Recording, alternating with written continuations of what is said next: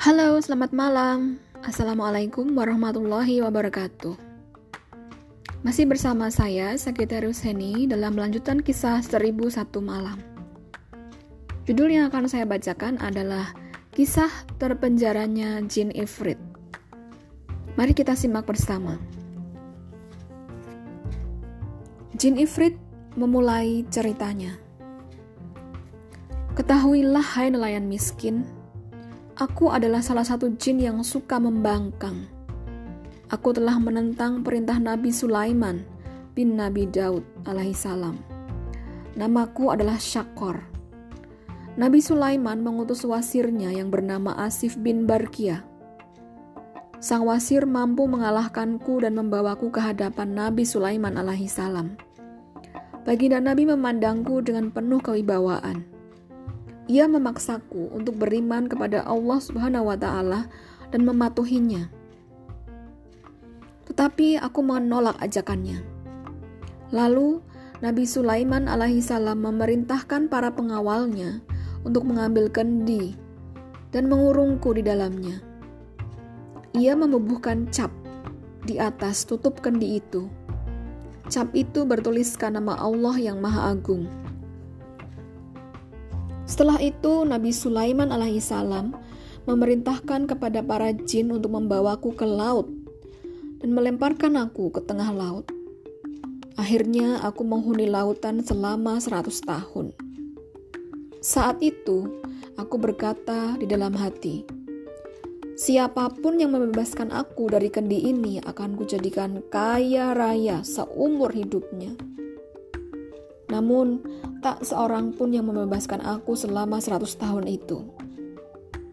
Ketika aku memulai 100 tahun berikutnya, aku berkata dalam hati, Siapa pun yang membebaskan aku dari kendi ini akan kubukakan perbendaharaan bumi.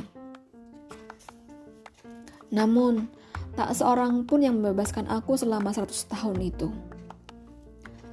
Demikianlah Aku tetap menghuni kendi itu hingga 400 tahun.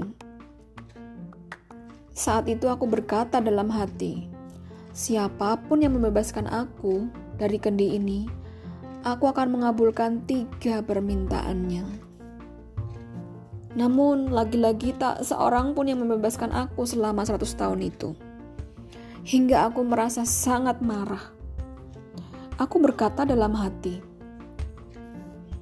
Siapa pun yang membebaskan aku dari kendi ini akan kubunuh dan akan kutawarkan bagaimana ia memilih cara kematian.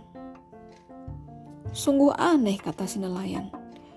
Aku tidak datang untuk membebaskanmu. Ampunilah dosaku. Niscaya Allah akan mengampunimu. Janganlah engkau membinasakan aku, sebab Allah juga akan menghukummu. Aku harus membunuhmu, kata jin Ifrit. Ketika nelayan merasa bahwa ia pasti mati, maka ia segera memohon ampun kepada jin Ifrit. Harusnya engkau sudi memaafkan aku sebagai penghormatan atas jasaku membebaskanmu, ucap si nelayan. Apa boleh buat? Aku memang harus membunuhmu. Justru karena engkau membebaskan aku. Balas Jin Ifrit tetap kukuh dengan niatnya. Wahai Jin Ifrit, mengapa kebaikanku engkau balas dengan kejahatan? Ingatlah kata pepatah. Kita telah berbuat baik, sedang mereka berbuat sebaliknya. Demi hidupku, ini adalah perbuatan para pendurhaka. Barang siapa berbuat kebaikan kepada yang tak berhak menerimanya, ia akan bernasib seperti buruh tani yang menanami sawah, tapi tidak menikmati hasil tanamannya. Engkau harus mati di tanganku, bentak Jin Ifrit. Nelayan itu berkata dalam hatinya, ia adalah jin, sedangkan aku manusia yang dikaruniai akal sempurna oleh Allah. Aku harus berpikir untuk membinasakannya dengan tipu muslihat. Sekalipun ia juga berusaha memperdayaku dengan sifat jahatnya. Haruskah engkau membunuhku? Tanya nelayan kepada jin ifrit. Ya, engkau memang harus mati, jawab jin ifrit. Demi nama Tuhan yang Maha Agung yang tertulis di cincin Nabi Sulaiman bin Daud. Maukah engkau menjawab dengan jujur pertanyaanku? Baiklah, aku akan menjawabnya, kata jin ifrit gusar. Demi Allah yang Maha Kuasa, katakanlah kepadaku, apakah sebelumnya engkau benar-benar berada dalam kendi ini? Demi Allah, aku memang telah dikurung dalam kendi ini. Jawab Jin Ifrit. Aku tidak percaya.